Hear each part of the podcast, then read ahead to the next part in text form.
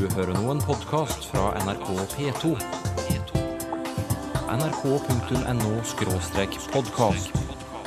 Kom mann, og da måtte jeg snu, så gikk jeg tilbake.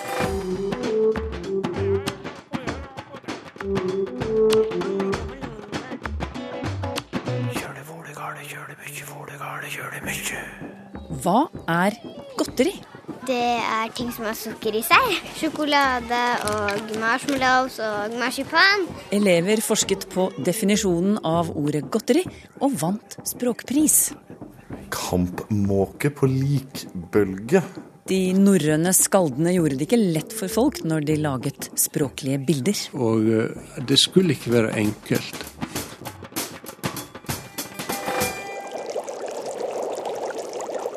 Oi, her står du og kokkelerer, sylfestlomme. Høna er jo ikke pen når du har gjort henne klar til koking. Nei, det sier jo seg selv, det. Fordi at når vi plukker av fjørene på eh, ei høne eller en kylling, Nei, da ser det ikke helt pent ut. det er iallfall mye mindre pent etter at du har fjerna fjørene enn enn før. Ja, Og hvor dette fører oss, det får vi komme tilbake til mot slutten, tror jeg.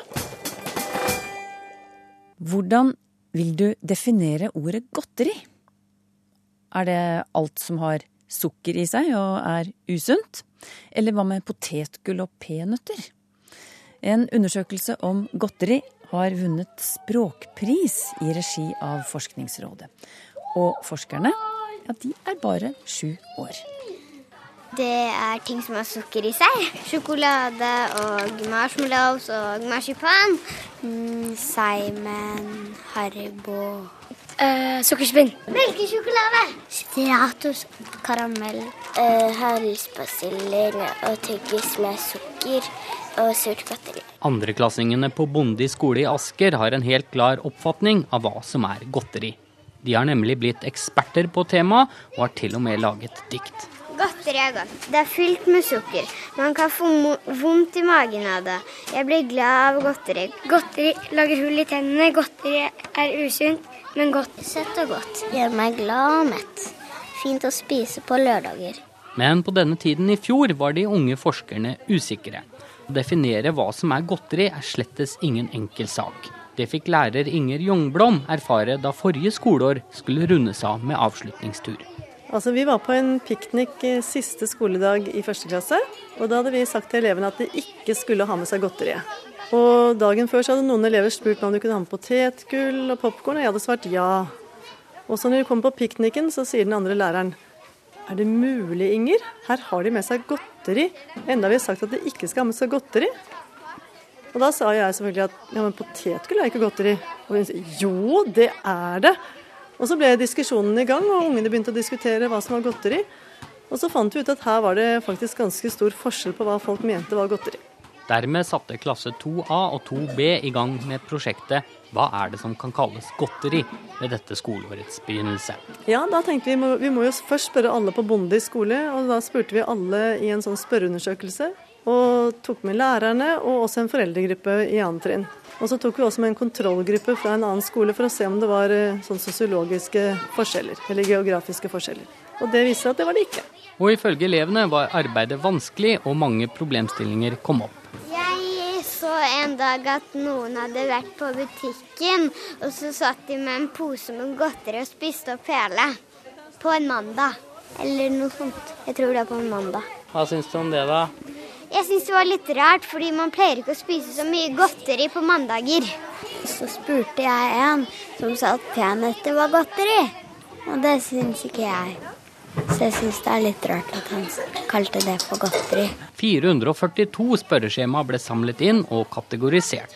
Vi måtte eh, føre det inn på samleskjemaer, og så måtte vi finne ut hva som ble resultatet. Og så måtte vi ha sånne søylediagram. Jeg synes det var ganske vanskelig, fordi at alle måtte liksom bli enige om hva godteri var. Her har vi skattkammeret i Orkla Confectionery Snacks Norge. Og det er da godterier, det er snacks, og det er kjeks.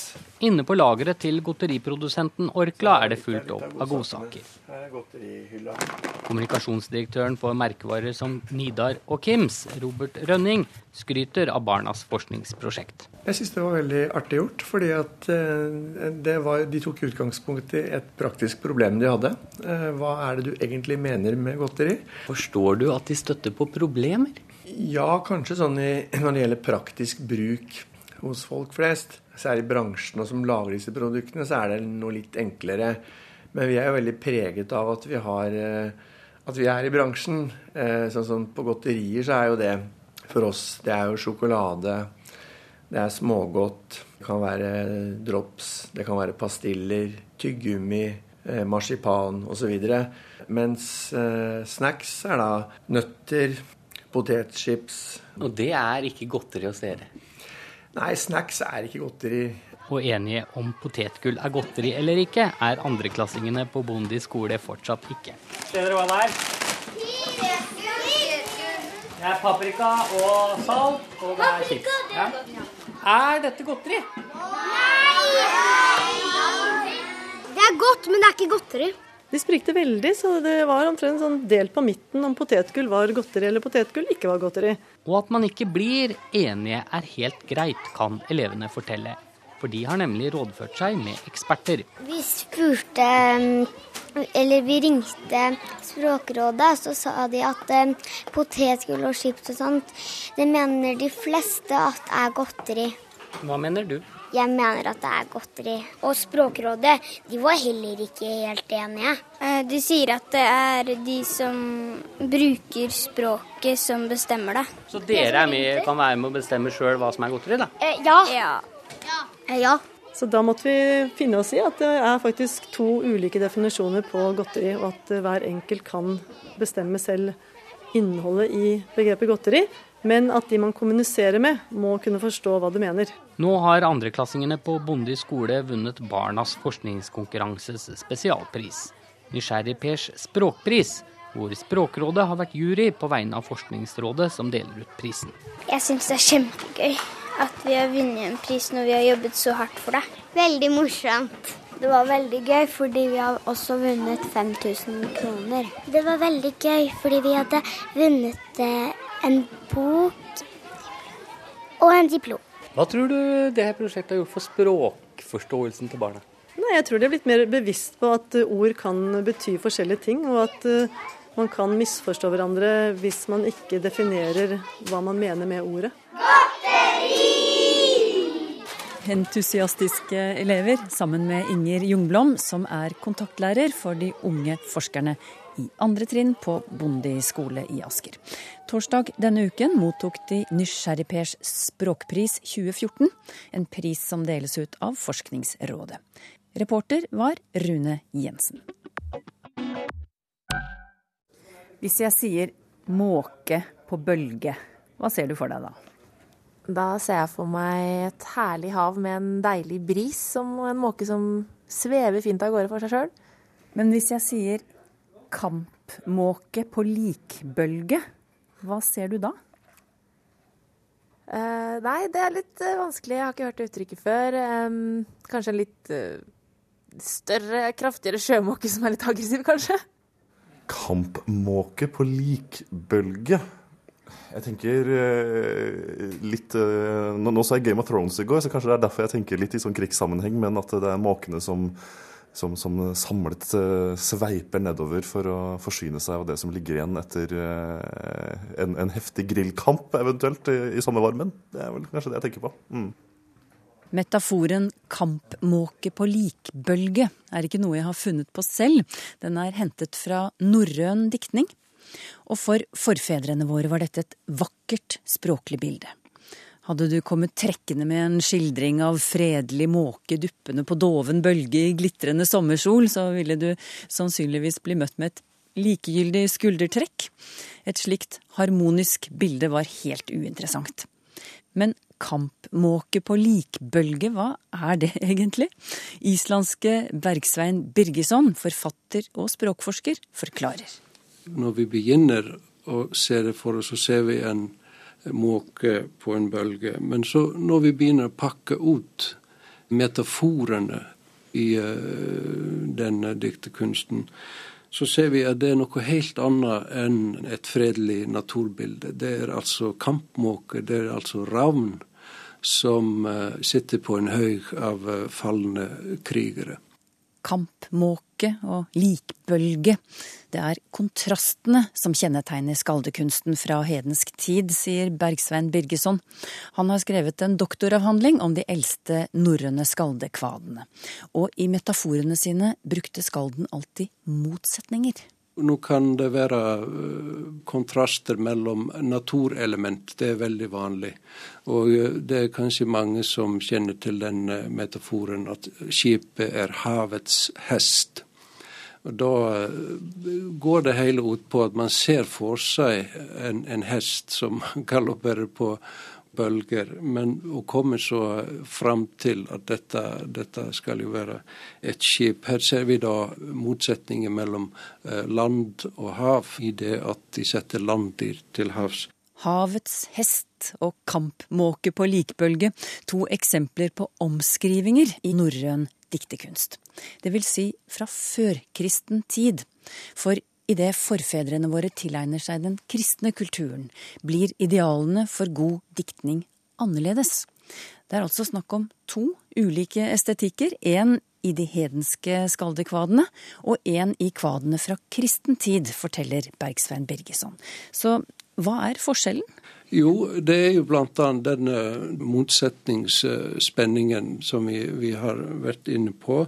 Og også dette med at eh, de liker å lage metaforer som ikke er lett forståelige. Som du må liksom jobbe deg frem til saken. Blant annet dette med at de kaller sverd et sted for sattelen. sattelen til Bryne. Og uh, Hvis vi ser på metaforen, så er det sammenligning mellom sattel og sverd.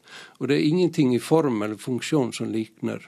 Så vi må rett og slett gjette oss fram til og, og prøve å se dette for oss. Og når vi går inn i metaforen, så ser vi at når man bryner et sverd, så er det bevegelsen på brynet som likner på bevegelsen på en rytter, på en hest, når hesten går under en viss gangart. Så vi kan si at dette er en slags gåter. Dette skal ikke være lett forståelig. Nei, innlysende skulle ikke metaforene være i hedensk diktning. De var gåter som måtte pakkes ut, lag for lag. Mens i den klassiske gresk-romerske estetikken som preget norrøn diktning i kristen tid, da skulle bildene være klare og lettfattelige. Hvorfor foretrakk de norrøne hedningene disse mystiske kontrastene, kollisjonene, umulighetsbildene, som Birgesson kaller dem. Ja, altså det, det, vil si da at dette er ikke naturlige bilder. Det, det, er det som er veldig viktig å få med seg. Altså at de, de gamle førkristne de hadde ingen som helst tanke om å imitere naturen eller naturlige forhold. De vil alltid lage, sette sitt eget preg på det og lage noe umulig inn i det, i det hele. Vi øyner altså helt, et helt annet forhold til eh, naturen i, i dette her som er i kontrast til dette klassiske kunstsynet, da kjennetegnet med begrep som mimesis, dvs. Si å imitere. Naturen var edel, og man skulle imitere den. Dette er en helt fremmed uh, tanke for disse hedningene. Er da, naturen er da en, en, en gjøtun, et, et fiendtlig kaos, mm. som uh, du skal kjempe imot. Og, og selve livskampen var å bekjempe dette her. Så for å slippe unna en stakket stund, for å skape seg et fristed fra naturen, imiterer de den ikke i kvadene sine. De forvrenger den. Det som det hele går ut på, er at du ser det for deg. Du ser for deg eh, bildet av en elefant som vasser i, ut på havet et eller annet sted. Du ser for deg en fisk som svømmer i, i dalen. Du ser for deg et fjell som er dekket med tang. Du ser for deg en hval som er oppe på tunet og biter gress. Mm. Altså, du, hvis du ser disse bildene, så er det noe umulig, noe som ikke går an under naturlige forhold. Men akkurat dette er også veldig slagkraftige bilder. Og innenfor bl.a. kognitiv hukommelsespsykologi så har det vist seg å være veldig sterk den som de kaller raritetseffekten, the bizarreness effect.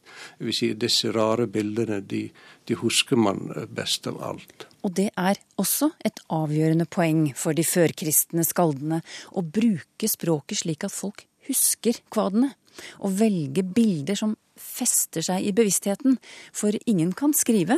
Diktningen lever videre ved muntlig overlevering. Og uh, Dette er jo gammel visdom, da, at uh, mennesketanken husker best via, via, bilder.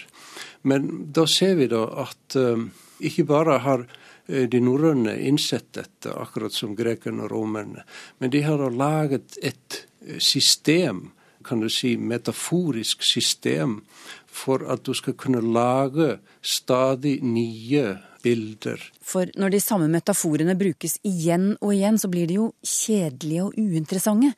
Som å få riper i lakken, f.eks., eller gråte over spilt melk? Ja, altså det som er da loven i dette her, da, er at når vi hører en ny metafor, et ferskt bilde, så eh, bruker vi vår visualiseringsevne til å se det for oss. Men når vi hører det igjen og igjen, at man skal ikke gråte over spilt melk, så til slutt så, så ebber den melken ut. Vi ser ikke det lenger for oss, vi går rett til det som det eh, betyr. Men de norrøne skaldene hadde et knep for å unngå at omskrivingene, eller kjenningene som de kalte dem, ble forslitt. Metaforsystemet hos de gamle skaldene bygger da på dette her, at du har underliggende metaforer, begrepsmetaforer, kan vi si det, som vi på et eller annet vis aldri ser eller setter ord på. Og dette har vi også i dag. Du nevnte jo at et menneske får riper i lakken. Underliggende metaforen der er jo da eh, at menneskets omdømme er en bil. Ja. Og, og, dette er jo da eh, For en viking hadde dette vært uforståelig. Vi, vi kunne ikke sagt eh, noe sånt til ham. Men, men da har de bl.a. denne metaforen med at skipet er havets dyr. Mm. Og da kan det være hvilket dyr som helst. Du kan sette en elg der. Fjordens elg blir da et skip. Du kan sette inn en bjørn der. Elefant, reinsdyr, hva som helst. Og slik virker alle modellene, enten du omskriver en kvinne, en mann, et skjold. Du har et grunnbilde og varierer elementene. Systemet gjør da at disse absurde bildene blir alltid forstått likevel. Umulighetsbilder, mystiske omskrivinger som kampmåke på likbølge. Hva betød en god metafor for den norrøne vikingen? Ja, jeg, jeg, tror vi må nettopp her også huske på kulturkonteksten her er en helt annen. Dette er da en kultur hvor, hvor man ikke er overlesset av underholdning og uh, visuelle uh, ting. Så det som jeg tror uh, de satte pris på, var å få noe som man kunne rett og slett drøvet ikke på i vintermørket. Og det skulle ikke være enkelt. Og eh, vi har jo en, en, en liten anekdote i, i Gislasaga hvor det er en kvinne som ser på menn som kjemper, og den ene av dem hver en vise. Og hun har en lang tur eh, hjem, og hun går hele veien hjem. Og når hun har kommet hjem til sin gard, så har hun endelig forstått strofen. Og uh, dette var nok uh, det som man ville fram til, at det skulle ikke være enkelt. Man skulle ha lang tid, man skulle eh, se det for seg. Og det andre er da at eh, det skal være originalt. Bildet skal være originalt og ladet med, med visuell kraft. Da både var det lettere å se det for seg og uh, huske det. Og da blir dette uh, for den pragmatiske menneskehjernen også det som er vakkert. Fortalte språkforsker og forfatter Bergsvein Birgisson. I fjor ga han ut boken Den svarte vikingen. Der har han også med et kapittel om norrøn skaldekunst. Lytterne våre har øre og blikk for språk, Sylfest Lomheim. Hør på denne morsomme observasjonen fra Vigleik Haga. Tenk at å bytte kjønn på et ord forandrer det fra bitte lite til kjempestort. For det heter jo ett lite rusk, men én diger rusk. Hva er egentlig dette ordet, eller er det ordene? Ja, det er veldig morosamt. Flott. Eh, Ett rusk, det er i slekt med verbet å ruska. Og vi har det òg i rusk og rask, ikke sant? Eh, rusk og rask er jo avfall. Og ruska betyr å rive eller nappe. Det betyr å ruska. Men så ett rusk kjem fra det. Men ein rusk, det er ein sværing. Og begge disse orda, både rusk, eitt rusk og ein rusk, de går tilbake til to ulike ord på gammelnorsk.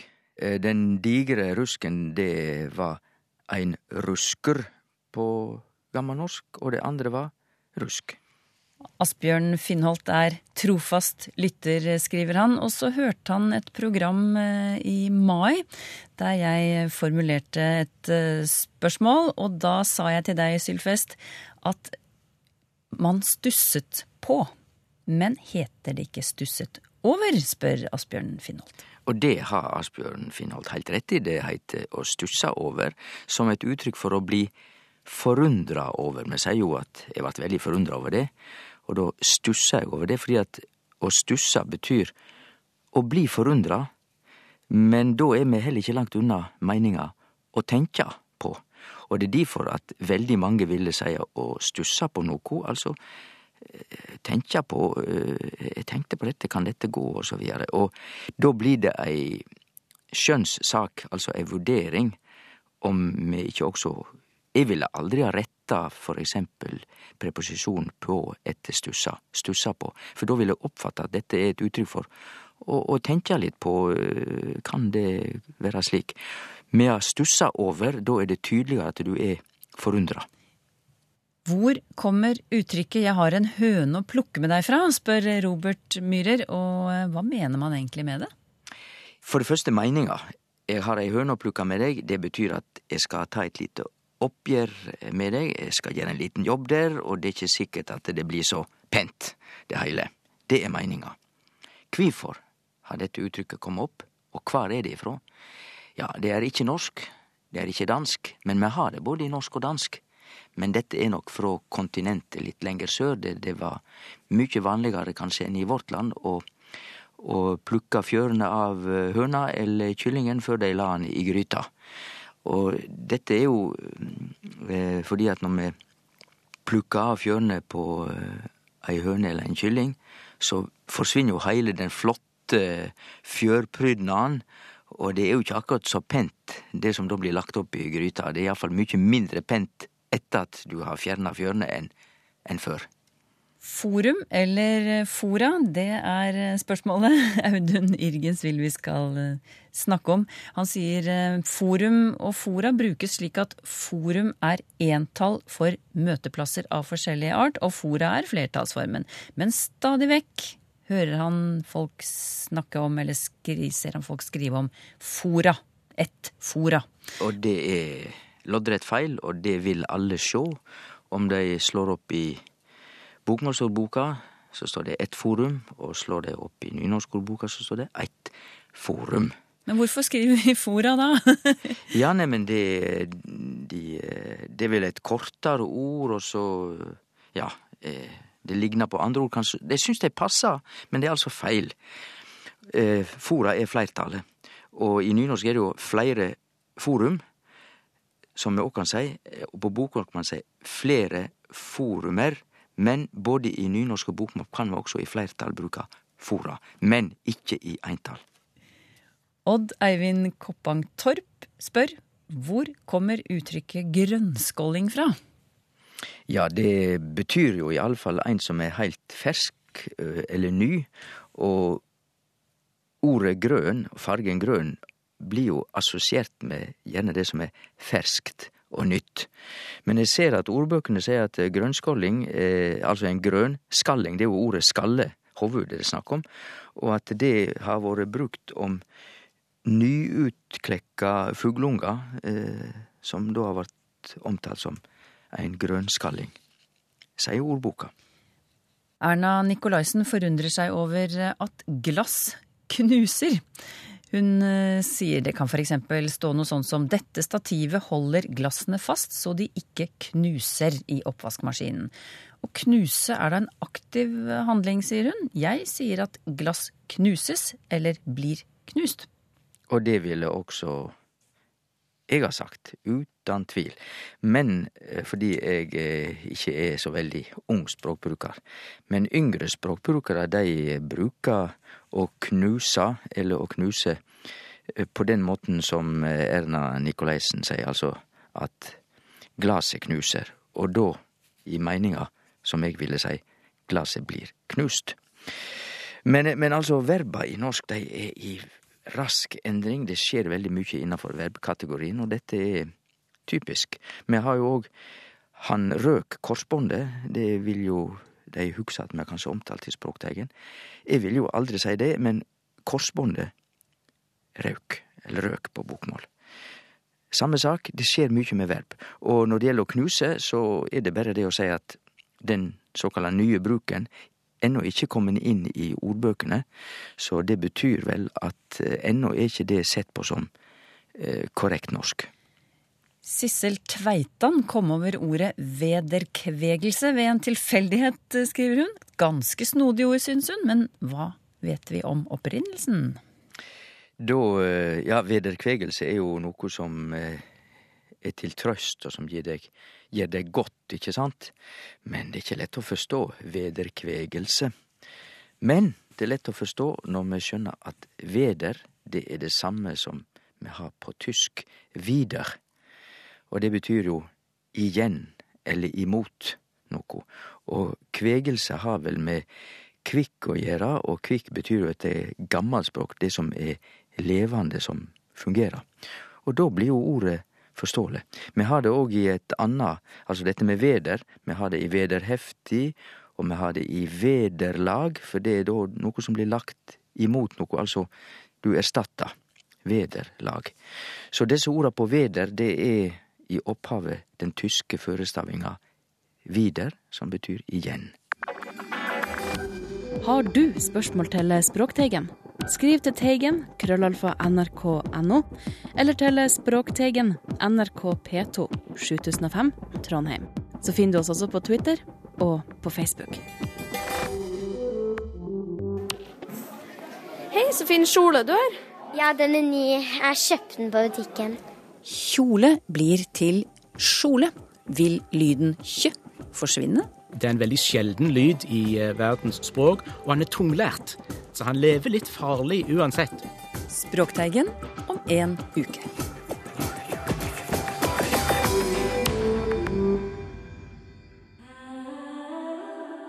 nrk.no podkast.